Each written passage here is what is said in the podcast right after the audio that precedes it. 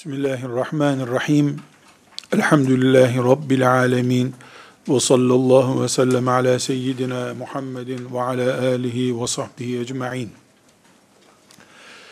Bugün dünya üzerindeki Müslümanların özellikle ve genellikle de insanlığın yaşadığı fitnelerle ilgili oturup bir değerlendirme yapalım dediğimizde belki de karşımıza çıkacak en acilen çözsek iyi olur dediğimiz problem bütün bu yukarıdan aşağıya, aşağıdan yukarı, sağdan sola, soldan sağa doğru bizi abluka altına almış bulunan fitnelerin içinde bir arada olamayışımız, farklı gruplara bölünmüş olmamız gibi önemli bir ihtilaf sorunu, farklı olma sorunu var.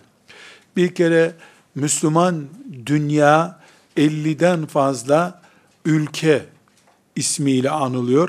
Bu ülkelerin önemli bir bölümünde her an birkaç parçalanma daha olacakmış gibi işaretler geliyor. Küfür dünyası bunu yönlendiriyor. Öbür taraftan bir ülkenin içerisinde bir bayrağın e, toparlayıcı kimliği altında toplandığı halde insanlar mezhep farklılıkları vesaire gibi isimlerle tekrar bölünmüş oluyorlar. Zaten dünyanın azınlığı statüsündeyiz. Bu azınlığın içinde de daha azlara, daha küçük parçalara bölünmüşlüğümüz var. Bizim çocuklar yetiştirilirken ana eğitim dökümanı olarak kullanmamız gereken şeylerden biri de birlikten ne kastettiğimiz, Müslümanlık çatısının bizi nasıl bir arada tuttuğu konusunun ikna edilerek izah edilmesidir. Şimdi Müslümanlar Arafat'ta beraber vakfe yapıyorlar. Aynı Kabe'yi tavaf ediyorlar diye aynı mezhepten olmaları şart mıdır? Aynı düşüncelerde olmaları şart mıdır soruşturmasına zihinlerimizde cevap bulmamız lazım. Bir bardak fabrikasında basılmış plastik bardaklar gibi on binlercesinin ebatı, hacmi, modeli aynı bir statüde asla olamayacağız. Bu gerçeği anlamamız gerektiği bir zamandayız. Meselemiz şudur. İhtilaf, yani farklılık, çeşitlilik bizim kaderimiz midir? Yoksa bu zamanın fitneleri yüzünden mi karşımıza çıkmıştır? Cevap, bu zamanın fitneleri yüzünden değildir. İnsan nev'inin yaratılışı ile ilgili bir sorundur bu. Rabbimiz Kur'an'ında da buna bize açıkça anlayacağımız işaretler, hatta sarih ayetlerle yön vermiştir insanları Allah isteseydi tek kalıp tek anlayış üzere yaratırdı, yaratabilirdi. Bunda onun için bir zorluk yoktu.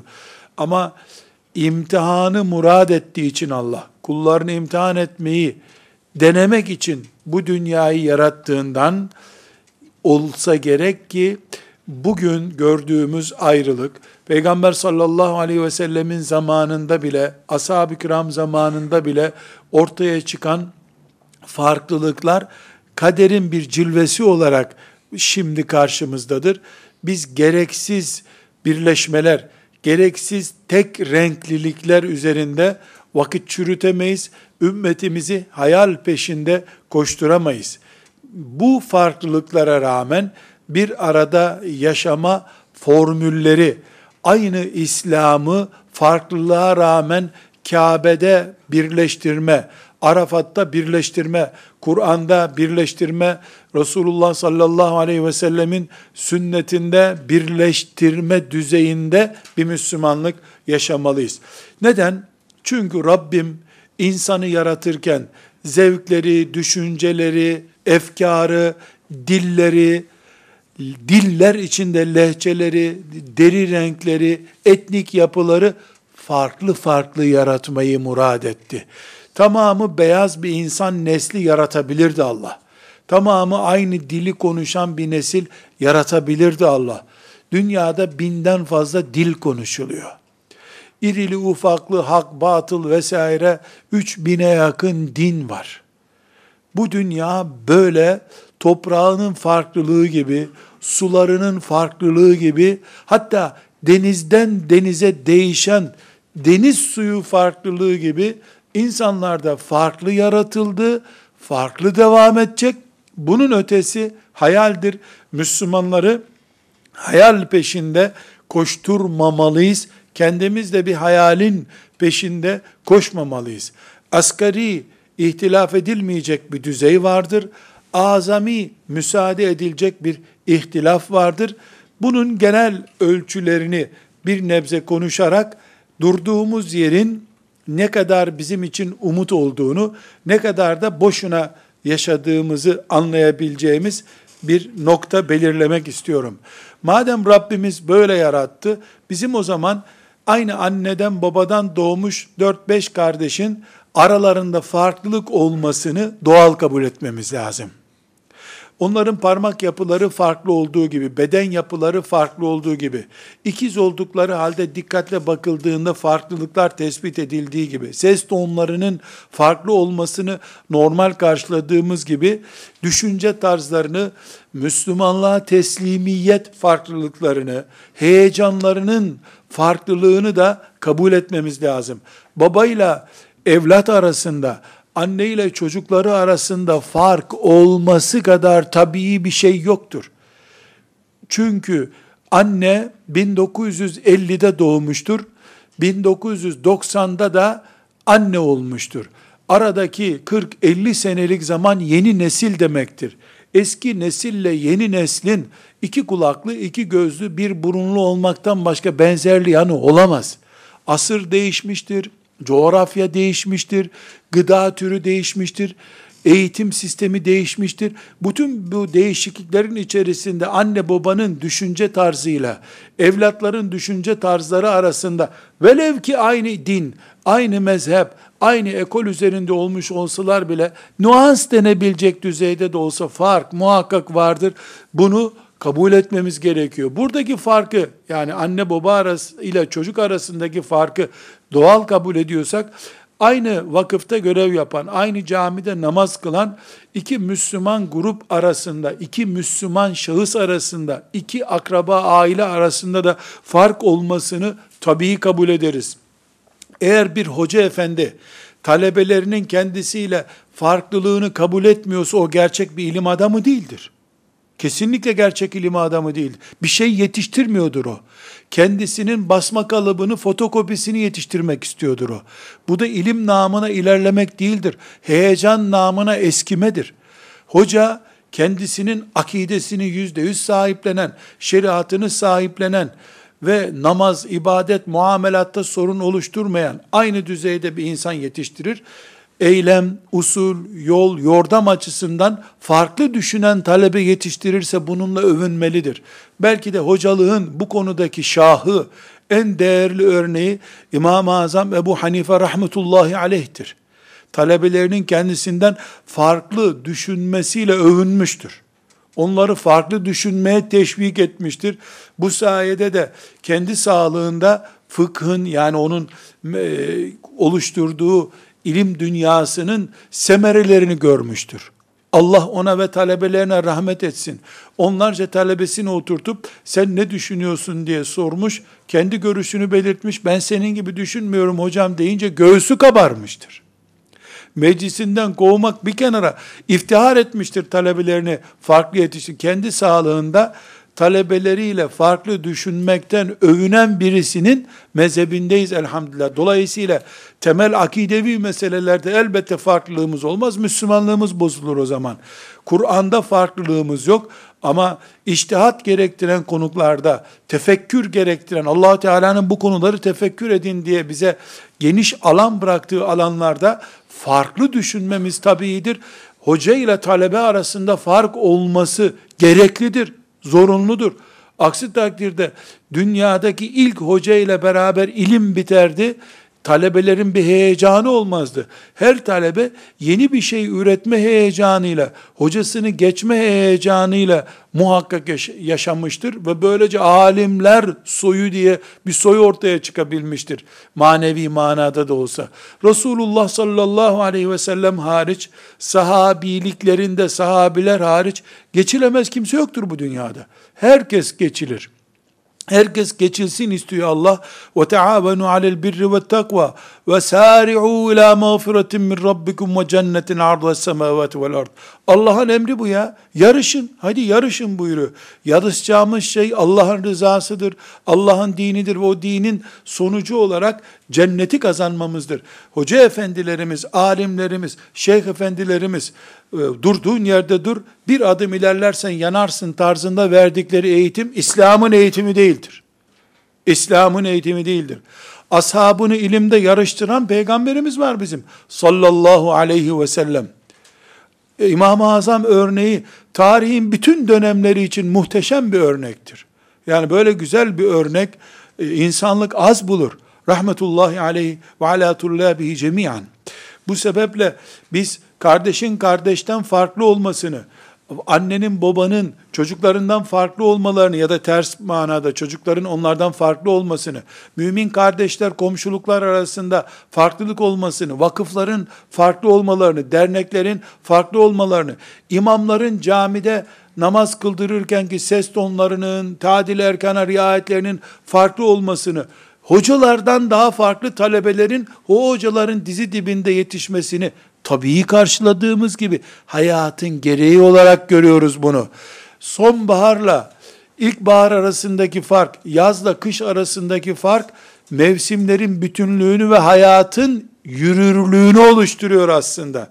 Bizim mevsimlerin farklılığı gibi farklılığımız tabiatı inkar değildir. Tabiatın doğallığını kabul etmektir. Aynı şekilde siyasetçiyle yani müminleri yönetenle yönetilen müminler arasında fark olması, müminlerin yöneticilerine karşı farklı düşünmeyi, yöneticinin kendilerine karşı farklı bakışını Kur'an'ın gölgesinde kalındığı sürece, şeriatın himayesinde kalındığı sürece doğal kabul etmek zorundayız. Farklı düşünceleri mescidinde namazda buluşturan Resulullah'ımız var bizim aleyhissalatu vesselam. Resulullah'ın huzurunda sallallahu aleyhi ve sellem yüksek sesle konuşmaktır suç olan. Farklı düşünmek suç değildir. Farklı düşünmek suç olsaydı Allah Kur'an'ında Şura suresi indirmezdi. Şura niye emrediliyor bize? Niye istişare en mühim sünnetlerdendir? Niye? Çünkü farklı düşünüyoruz. Farklı düşüncelerimizi bir kot, bir yerde bir kotada birleştirdiğimiz zaman mümin dünyayı oluşturacağız çünkü biz. Tek görüşe indirgendiğimiz zaman bir kişinin kanaatiyle her karar verildiği zaman ümmet zarar görür. Farklılıklara Resulullah'ın mescidinde tahammül edildi. Ömer bin Hattab radıyallahu anh'ın şura meclisinde farklılıklara tahammül edildi.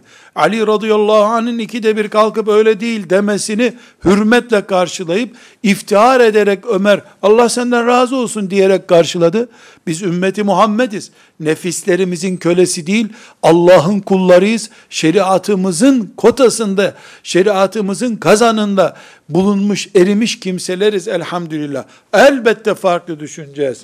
Hesabımız farklı. Cennette yerimiz farklı, maazallah cehennemdeki yerimiz farklı da düşüncelerimiz nasıl beraber olacak? Kur'an'dan başka, şeriatımızdan başka bir düşüncemiz yoktur.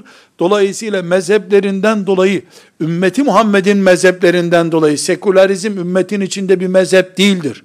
Ümmetin içinde bir kanserdir sekülerizm, demokrasi vesaire gibi konuları ümmetin içinde bir yeni ekol gibi göremeyiz biz. Bu ümmete ait değil. İthal olarak ümmetin içine monte edilmeye çalışılan şeyler hariç, bu ümmetin ilk üç asrında ne çıktıysa ümmet onu sahiplenmiştir. Artık bu ümmetindir. Buna belki iman dairesinde kalmaları açısından mutezileyi de dahil ediyorum. Haricileri de dahil ediyorum buna ümmetimin içindeki ekoller, bu ümmetin içinden neşet etmiş, bu toprağın çiçeği olan şeyler bizimdir.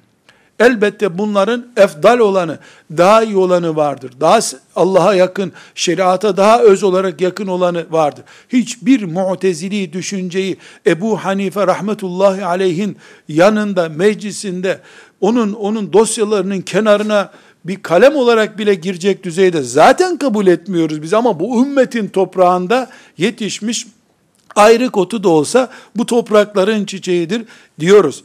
Ümmetin bu mantığı sahiplendiği zaman Allah'ın izniyle farklılığımız başımızın belası bir fitne olmaktan da çıktı demektir.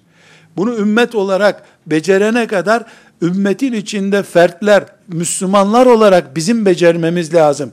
Bu göğsümüzün geniş olması, bağrımıza daha fazla mümini, mümin düşünceyi basabilmemiz anlamına geliyor.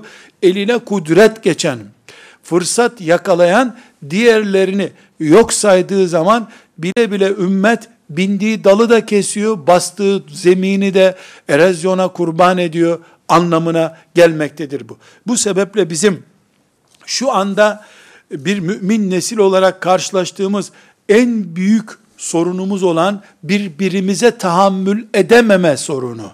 Birbirimizin görüşlerini batıl kabul etme sorunu ki biz fitneleri konuşuyoruz. Fay hattında nasıl riskli bir hayat yaşadığımızı, İslam'ımızın nasıl patlar bir bombaya, her an fitili çekilecek bir bombaya iblis tarafından dönüştürülmek istendiğini konuştuğumuz bir zeminde diyoruz ki farklı düşüncelere tahammül edemeyişimiz ya benim tarikatım ya da hiç gerek yok tarikata değişimiz. Vakıf varsa benim vakfımdır. Kur'an tefsiri sadece benim yazdığım tefsirdir ya da benim okuduğum tefsirdir diye. Zaten bizim ırkımızdan başka İslam'a hizmet eden ırk yoktur. Öbür ırklar hep bizim şemsiyemizde yaşamışlardır diye batıl bir düşünceyi sanki İslam gibi Allah adına cennet o, onun karşılığında verilecekmiş gibi algılayan düşüncelerden istiğfar ederek Rabbimize döneceğiz ve altı temel prensip üzerinden bu geniş ruhluluğa ümmeti Muhammed dairesini kuşatacak bakış açısına sahip olmak istiyoruz. Yani evvela söylediğim kuralı tekrar söylüyorum. Allah, Kur'an, Resulullah, şeriat bunları konuşamayız. Bunlar da müttefikiz zaten. Bizim sonradan oluşturduğumuz vakıflarımız, tarikatlarımız, siyasi düşüncelerimiz, açılan bu dünya ortamında karşımıza çıkan sorunlara karşı yorumumuz, en basit örneğinden mesela ümmeti Muhammed'in yeniden dirilişi için e, demokratik bir yapılanmadan istifade edilmeli mi, edilmemeli mi? Bu konuda iki farklı görüşün olması, üçüncü de ortada duran bir görüşün olması kadar tabii bir şey yoktur. Neden? Ümmeti Muhammed 200 seneye yakın zamandır kimliğini arıyor. Bireysel hareketler sonuç vermemiştir. Hocalardan, şeyhlerden başlayan hareketler nisbilikle kalmıştır. Yöreselliği aşamamıştır. Bir şahsın, bir alemin kitabının e, on binlerce defa basılması bile Müslümanlara kurtuluş getirmemiştir. Müslümanlar köşeye itilmiş, köşeye sıkıştırılmış bir hayat yaşıyorlar. Bari Müslümanlar bu demokratik sistemden istifade etsinler. Sonra da işleri bitince de e, boş tüp gibi fırlatın, fırlatsın atsınlar diye ortaya atılan bir görüşü dinden çıkmak veya dini içinden baltalamak, şirke alet olmak diye algılayamayız. Bunu Resulullah sallallahu aleyhi ve sellemin yüzde yüz sünnetine sadık kalarak, Medine şartlarına çalı, e, riayet ederek bir İslami çalışma yapalım diyeninkini boş görme manasında da öne çıkaramayız. Bu bir iştihat meselesidir. Ümmeti Muhammed ne yapacağı konusunda 200 senedir tıkanmıştır. Tıkanmış, çaresiz, boğulmak üzere olan bir insanın yılana sarıldığı gibi demokrasiye de sarılabilir Müslümanlar kimin niye sarıldığı, demokrasiyi benimsediği için mi, yoksa lanet olası yılandan zehir yapıldığı gibi bundan da zehir yapayım diye mi sarıldığını Allah bilir. Allah bildiğine göre birbirimizin muhasebecisi olamayız biz. Biz camide namazımızı kılarız, şeriatta hep beraberiz, ahirete imanda beraberiz, şeriatımızın bizim sistemimiz olması konusunda müttefikiz. Aramızdaki yöntem farklılıkları, usul ve aşama farklılıkları konusunda ise zaman kimin daha haklı olduğunu, kimin daha isabetli olduğunu gösterecek diye sabırla bekleriz. Altı noktadan bu basiretli, ferasetli ve sabırlı bir hayat tarzını yaşamayı denemek zorundayız. Altı noktamız var. Bunların birincisi müminler birbirlerinin niyet yorumcusu olmamalıdırlar. Evet sen tesbih çekiyorsun ama çektiğin tesbihde asas niyetin başka bir şeydir diyemeyiz. Sen camiye geldin ama kalbinde şeytanlık var diyemeyiz. Neden? Sen niye ellerini yukarı bağlayarak namaz kıldın? Demek ki sen fitnecisin.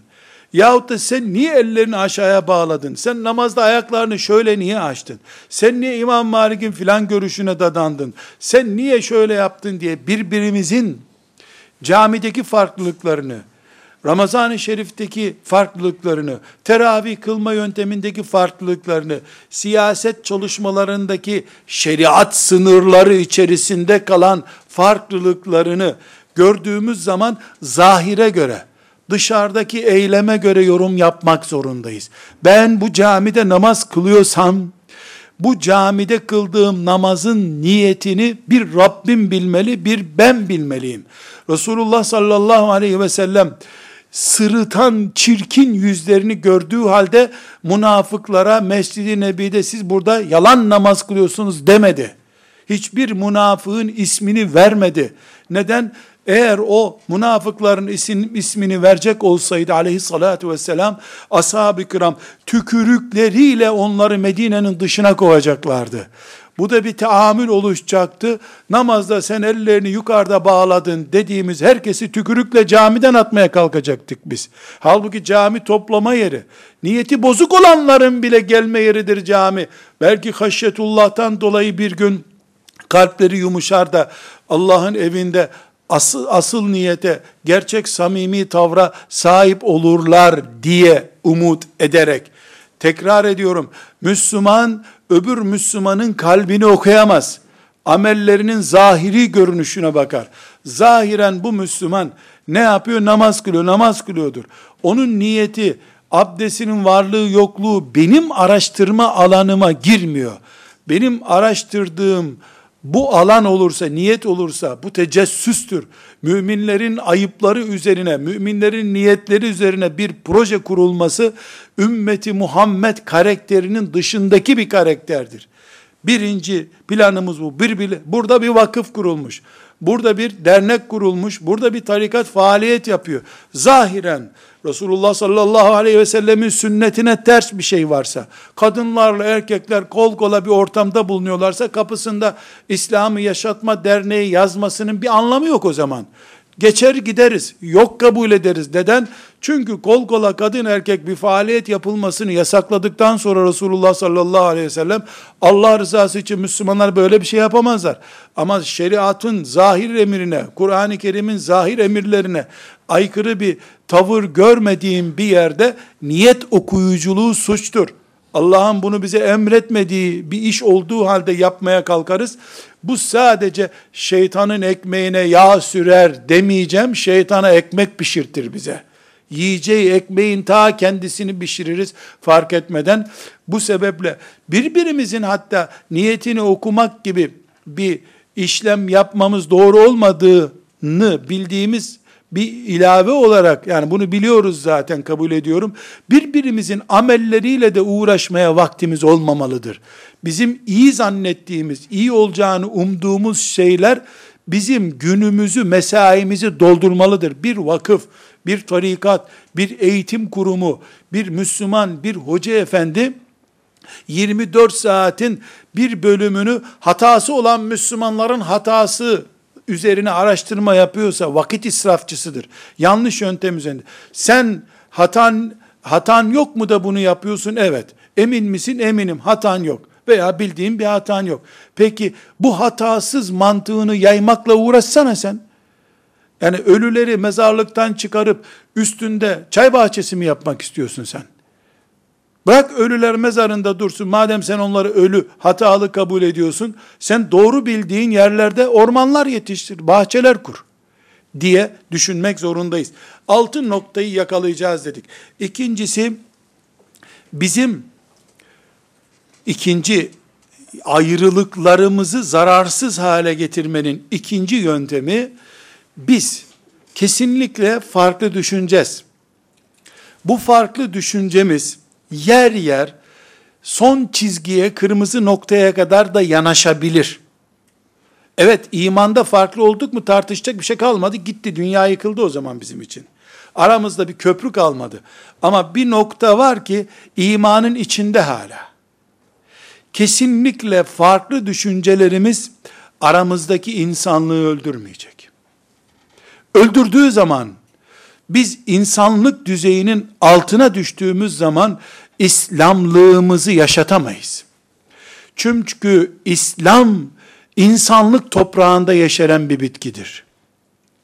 İslam toprağında insanlık, insanlık toprağında İslamlık yetişiyor. Bunlar birbirlerini tamamlıyorlar.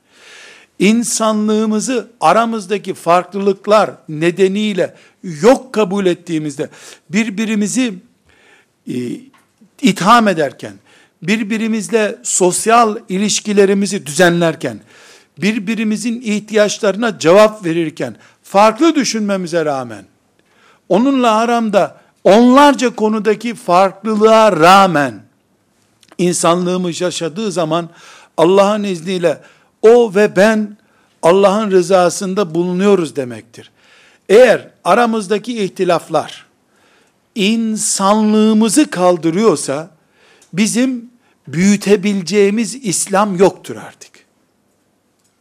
Kafirlerle bile bizimle savaşmıyorlarsa eğer iyi geçinmemizi emretmiyor mu Allah Kur'an'ında? Kafirlerin yaşadığı toprakları darul küfür ve darul harp savaş toprağı ve küfür toprağı diye bunun için ikiye ayırmamış mı fukahamız bizim?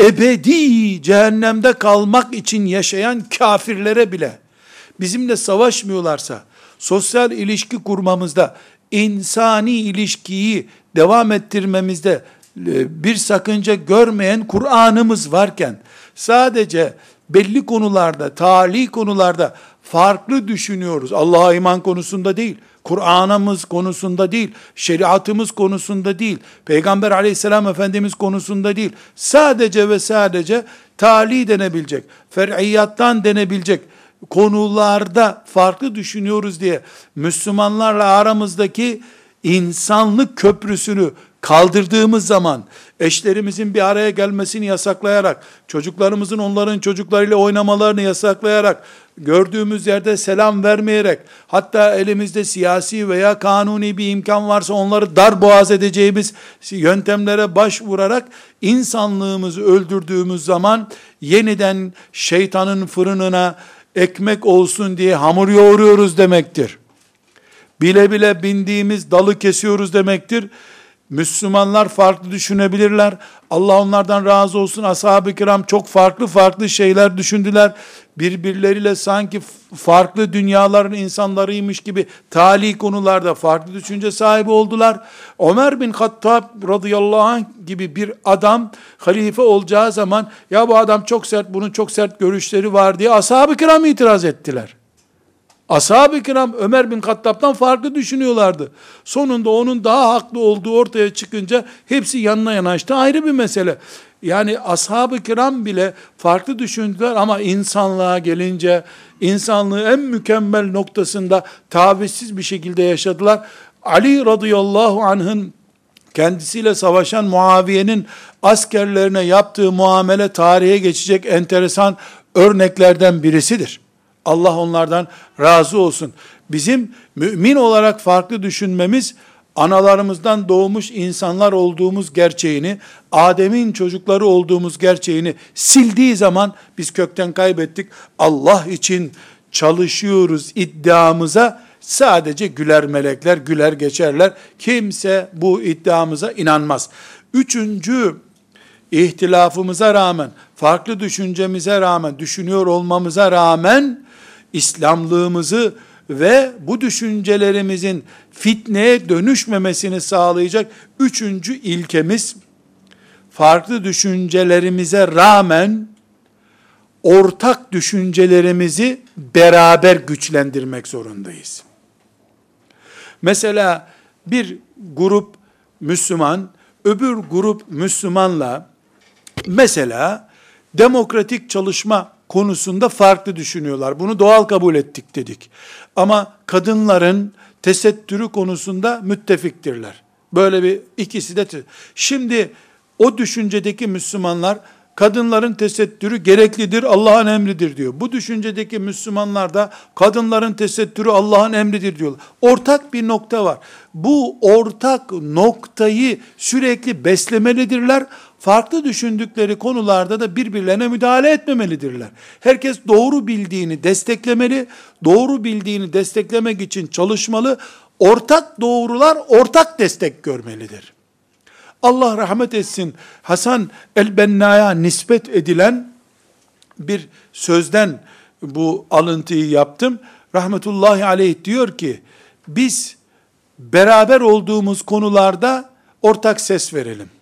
Farklı düşündüğümüz şeylerde de birbirimizi mazur görelim, rahat edelim buyuruyor. Madem farklı düşünüyoruz, farklı düşünüyorsak birbirimizin bu farklılığına karışmayalım. Çünkü hepimiz Müslüman olduğumuza şahidiz bu grup onların, onlarda bunların Müslüman olduğunu ama A, B, C konularından A konusunda yanlış yaptıklarını düşünüyor. Onlar da C konusunda yanlış yaptıklarını düşünüyor. Ama B konusunda bir ittifak var. Madem B konusunda müttefikiz, İslam'ın bir alanını sorunsuz hale getirelim. Eğer öbür tarafla ihtilafımız her konuda onlara tavır almamızı gerektirir zannedersek, hiçbir noktadan İslam'ı güçlendiremeyeceğiz. Yani mevcut sorunlarımızı, parazitlerimiz 150 iken 145'e düşürelim bunları. 5 alanda bari daralsın, e, bir rahatlık olsun. 5 alan kurtulsun bu sorunlardan diye düşüneceğiz. Bu da bizim için bir aşama olacağından bir zaman sonra 5 sorun daha çıkaracağız tartışma alanı dışında altı sorun daha çıkaracağız derken Rabbimizin bize takdir buyurduğu ecel e, gelinceye kadar Müslümanlar olarak biiznillahü teala üzerimize düşeni halledeceğiz demektir. Bu da üçüncü noktamız. Dördüncü noktamız ihtilafa rağmen mümince Allah'ın razı olacağı bir hayatı yaşayabilmek için altı şey tavsiye ediyoruz dedik e, altı ilkemiz üzerinde konuşacağız dedik. Bunların dördüncüsü Kur'an'ımızın, hadisi şeriflerin, ümmetin icmaının kesinlikle tartışmasız konu diye önümüze koyduğu başlıklar tartışılamaz şeylerdir. Bunların dışında İmam Malik'in Medine'deki bir iştihadı, asla ve kat'a Kur'an değildir. Resulullah sallallahu aleyhi ve sellem min hadisi değildir. Müminler İmam Malik'i de iştihadını da onca büyük bir saygıyla yad ederler, hürmet ederler, belki de uygularlar. Malikiyiz veya değiliz, onun mezhebindeniz değiliz, onun o görüşünü hayat tarzımız kabul edebiliriz.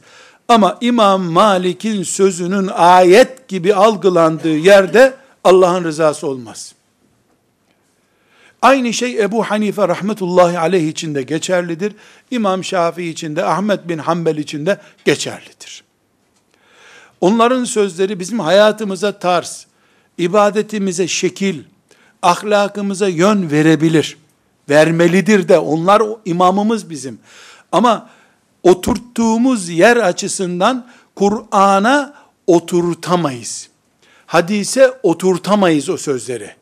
Aksi takdirde eğer Ahmet bin Hanbel'in bir sözü, kanaati, iştihadı, hadisse, ayetse o da peygamber statüsüne getirilmiş olur. Ki bu ona bir zulümdür.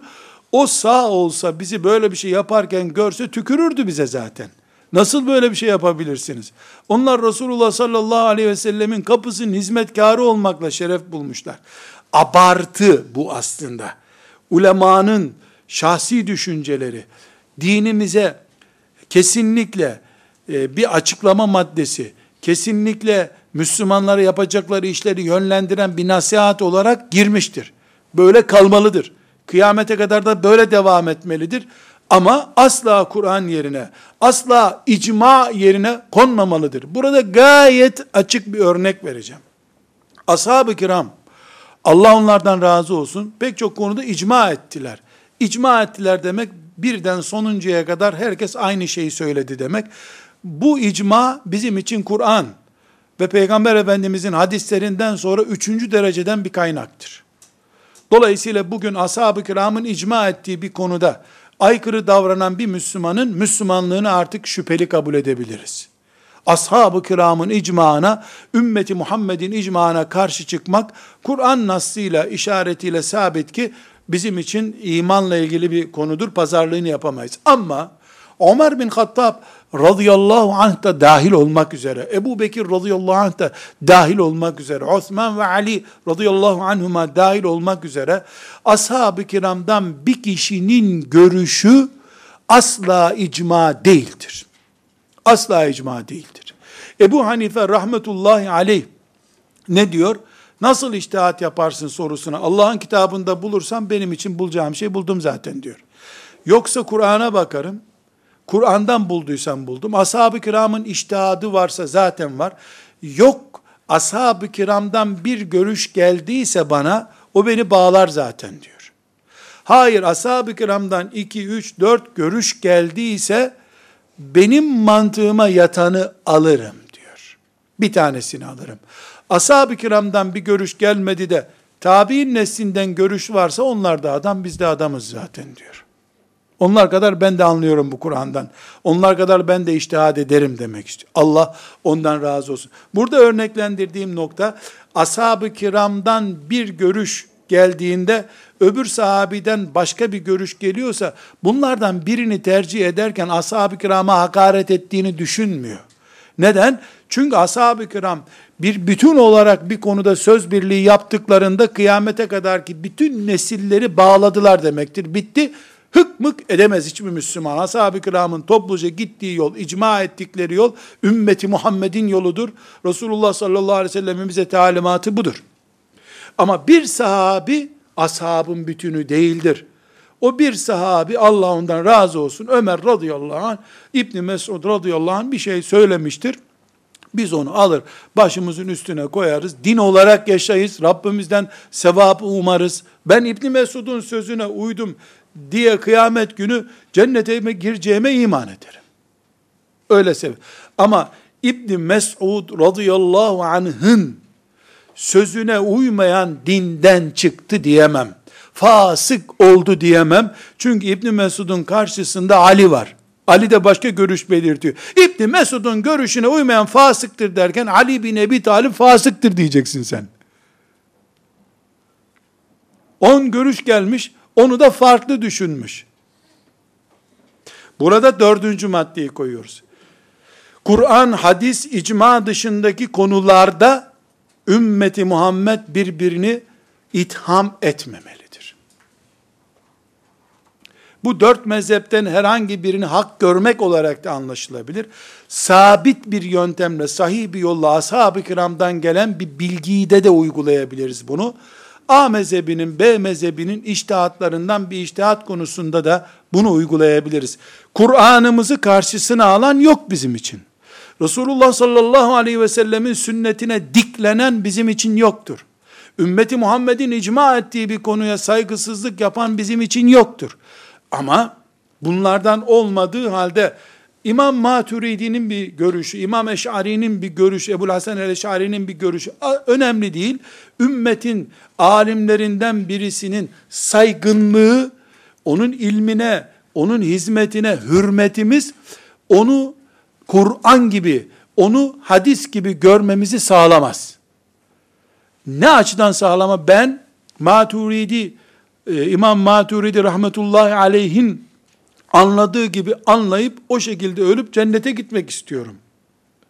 Ama şunu söylemiyorum. Her kim ki İmam Maturidi'ye muhalefet eden bir görüş içindedir, o zındıktır, o Müslüman değildir, cehenneme bile giremez, gayyada kalır. Diyemem. Diyemem. Çünkü İmam Maturidi ile ümmetin selefi ve ümmetin Ebul Hasan el-Eş'ari'ye uyan e, Eş'ariyim diyenleri arasında Kur'an'da bir fark yok. Hadiste bir fark yok. Ashab-ı kiramda bir fark yok. Alt konularda fark var. Alt konular ise birbirimizi itham etmemiz için uygun bir alan değildir. Birbirimizin alt konulardaki farklılıklarına toleransla bakmak zorundayız. Kardeşliğimizi zedeleyecek bir alan olarak bunları göremeyiz. Namazda çok kolay anlaşılan bir örnek olsun diye konu derinleşti. Kolay anlaşılacak düzeye indirmek için söylüyorum. Namazda göbeğin altına doğru bağlamak da rivayetlerle var. Omuzun hemen altında memelerin üstüne el bağlamak da erkekler için namazda vardır. Salınmaya yönelik İmam Malik'in ellerini saldığı, salarak namaz kıldığına dair de rivayetler vardır. Biz Allah'ın mescitleri doluyor mu dolmuyor mu ona bakarız. Mescittekilerin ellerini nereye bağladıklarına bakamayız. Birbirimizi eğer mescitler dolmadan, ezanlar heybetine kavuşmadan birbirimizin elini nereye bağladığına, birbirimizin kulaklarına kadar mı kaldırıyor, göğsüne mi kaldırıyor, Fatiha'dan sonra hangi sureyi okuyor, niye file, akşam namazından önce sünnet kıldı, niye akşam namazından sonra altı rekat kılmadı diye, tali konularda yani şeriatımızın bir numaralı iman ve amellerin bir numaralı farzları düzeyinde görmediği konularda birbirimizi irdelersek şeytanın fırınına pişmek üzere gönderilsin diye bol bol hamur yoğururuz.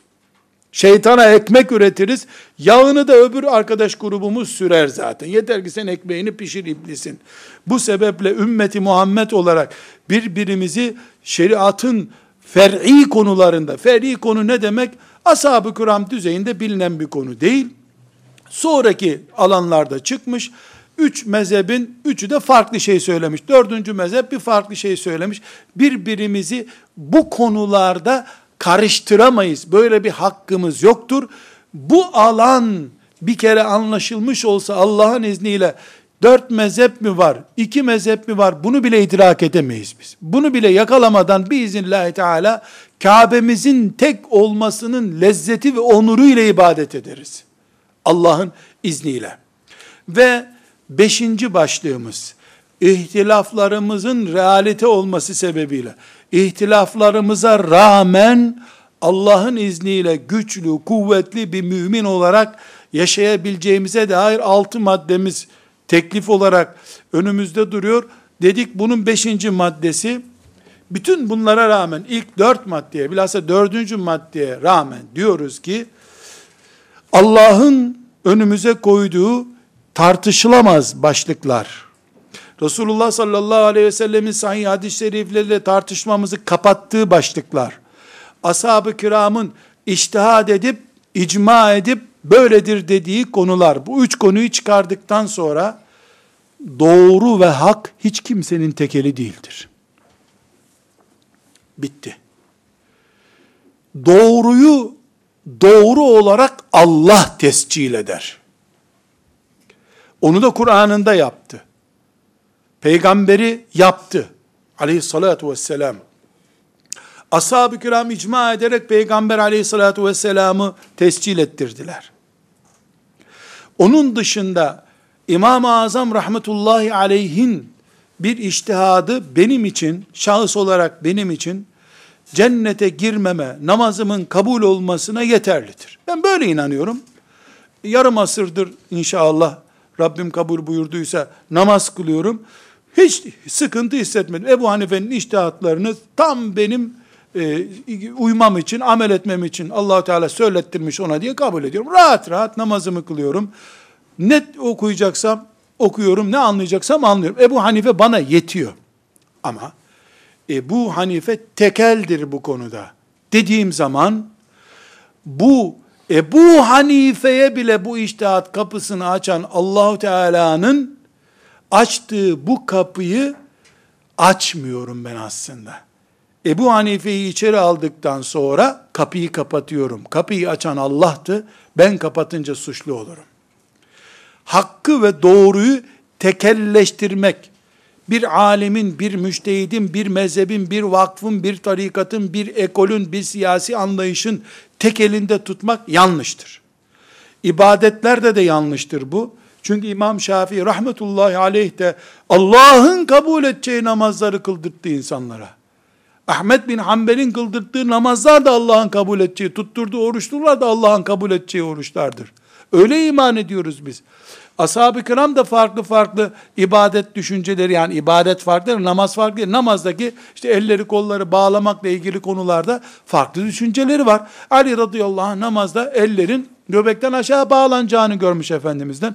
Başka bir sahabi göğüslerde bağladığını görmüş. Yani bu ashab-ı kiramda bile bir tanesini Ali'ye doğru dediğin zaman öbürünü batıl yola itiyorsun. Batıl yola ittiğin adam Osman İbni Affan radıyallahu anh. Ne yapıyorsun sen? Kendi bindiğin dalın bir tarafını değil öbür tarafını kesiyorsun. Gene düşeceksin aşağıya. İçtihat ediliyorsa eğer bu içtihat hakkı tekelleştirmiyor kimsenin elinde. Doğruyu tekelleştirmiyor. Doğru arayışlarını güçlendiriyor. Bir müştehidin yaptığı iştihat onun için doğrudur. İştihat da şeriatın uygun standartlarında yapılmış ise hiçbir sıkıntı yoktur. Kabul edilmiştir. Baş göz üstüne konmuştur. O bizim anlayışımızdır, ahlakımızdır, ibadetimizdir, her şeyimizdir. Ama benim İmam-ı Azam'ımı bile tekel kabul etmiyorum. Tekel kabul etmem öbürlerini batıl demem anlamına geliyor. Ama benim öbürlerinin peşinde dolaşarak vakit kaybetmeme de gerek yoktur. Buradan devam ediyorum. Bu şekilde yaşarım. Çünkü bu iadeli bir mal değildir. Yani aldım, beğenmedim, 15 gün sonra geri götürüyorum gibi bir anlayış olmaz. Din bu. Bir kere yola girip devam edeceksin. Batıl olduğunu anlarsan ayrı bir mesele. Ne zaman bulursan. Bu aynı şekilde muasır sorunlarımızda da Müslümanlar olarak hepimizin mesela biraz önce örnekte kullandığım gibi demokratik yapılanma, demokratik çalışmaya karşı tavrımız konusunda öyle yapanlar başkası batıldır, biz böyleyiz deyince bu konuyu tekelleştiriyorlar. Filanca tarzda çalışalım, dinimizi ilerletelim deyince o da onu tekelleştirmeden yapmalıdır.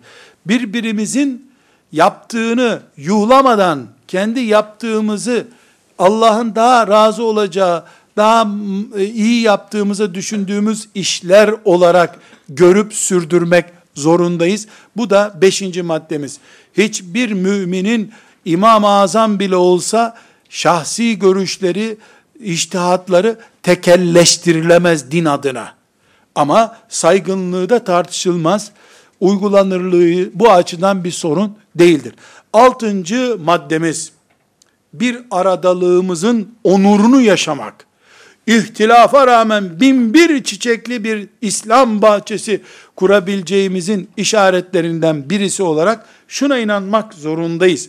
Müslümanlar olarak bizim birleştirici etkisi olan noktalarımız dağıtacak noktalarımızdan daha fazladır. Bir defa Allah'a tevhid konusunda bir sorunumuz yok. Hristiyanlar gibi mezheplerimiz Allah'a imanımızdan kaynaklanmıyor bizim. Tevhidde bir taneyiz elhamdülillah. Hepimiz Allah diyoruz. Hiç kimse Allahu Teala'yı haşa Hristiyanlarda veya Yahudilerde olduğu gibi farklı düşünmüyor. Böyle bir anlayışımız yok. Elhamdülillah kıble sorunumuz yoktur. Elhamdülillah Kabe'mizde Resulullah sallallahu aleyhi ve sellemin kabri şerifi ve o kabrin etkisi konusunda bir sorunumuz yoktur. Elhamdülillah temel kaynak olarak Kur'an'ımızda bir sorun yoktur. Bakış açılarımız itibariyle. Hiçbir şekilde ashab-ı kiram konusunda sorunumuz yoktur. 3-4 kişi çıkıp ashab-ı kiramın kadir kıymetini tenkis edecek cümle kullanmış olabilir ama ümmet olarak ashab-ı kiramdan kaynaklı, Kur'an'dan kaynaklı, Kabe'nin yapısından kaynaklı veya kıble anlayışımızdan kaynaklı, Allah'ı tevhid konusundan kaynaklı bir farklılığımız yoktur bizim. Farklılıklarımız üçüncü, dördüncü düzeydeki konulardan dolayıdır. Bu nedenle diyoruz ki farklılıklarımızı kabullenebiliriz. Tamam, benim farklılık dediğin konuda itikadım tamdır, ben onu yaşatırım. O da kendisininkini yaşatsın. Birbirimizi reddetmemizi gerektirecek bir farklılığımız yoktur bizim. Ana noktada bulunduğumuz yer konusunda, koordinatlarımız konusunda bir sorunumuz yoktur. Koordinat sorunu yaşadığımız zaman ben kuzeydeyken o güneydeyse elbette aramızda bir sorun var. Ama bu Hristiyanlıkta böyledir. Yahudi mezhepleri arasında böyledir. Ümmeti Muhammed'in bugünkü uçta bucakta açan dal budaklarına bakarak söylemiyorum bunu. İmam-ı Azam'ın, Ebu Hanife'nin, İmam Şafii'nin, Ahmet bin Hanbel'in, Ebu Hasan e, el-Eş'ari'nin veya İmam Maturidi'nin zamanında ki yapılanmada bu ana konularda asla ve kata bir sorun olmamıştır. Üçüncü, hatta ikinci bile değil. Üçüncü ve dördüncü konularda, başlıklarda sorunlar çıkmıştır. Bunları bu asırda biz birbirimizi irdelemeyerek, birbirimizin işine müdahil olmayarak birinci konuların yükselmesi uğruna, müttefik olduğumuz konuların yükselmesi uğruna bir gayret edebiliriz. Allah'ın razı olacağı yön bu yöndür. Bizim de Müslümanlığımızdan lezzet alarak ve fitnelerin içinde boğulmadan yaşayabileceğimiz bu yön inşallah bu yöndür. Allahu Teala şeriatını bu şekilde yaşamamızı istemektedir. Hiçbir zaman bütün insanların bir arada tek fikir oldukları zaman olmayacaktır. Haccac İbni Yusuf Es-Sakafi kılıcıyla istediği kadar insan doğradığı zamanlarda bile tek ses oluşturamadı. Tek ses oluşturamadı. Tek seslilik insan tabiatına aykırıdır. Çok sesliliğe rağmen insanca yaşamaktır bizim imtihanımız. Rabbim muinimiz olsun.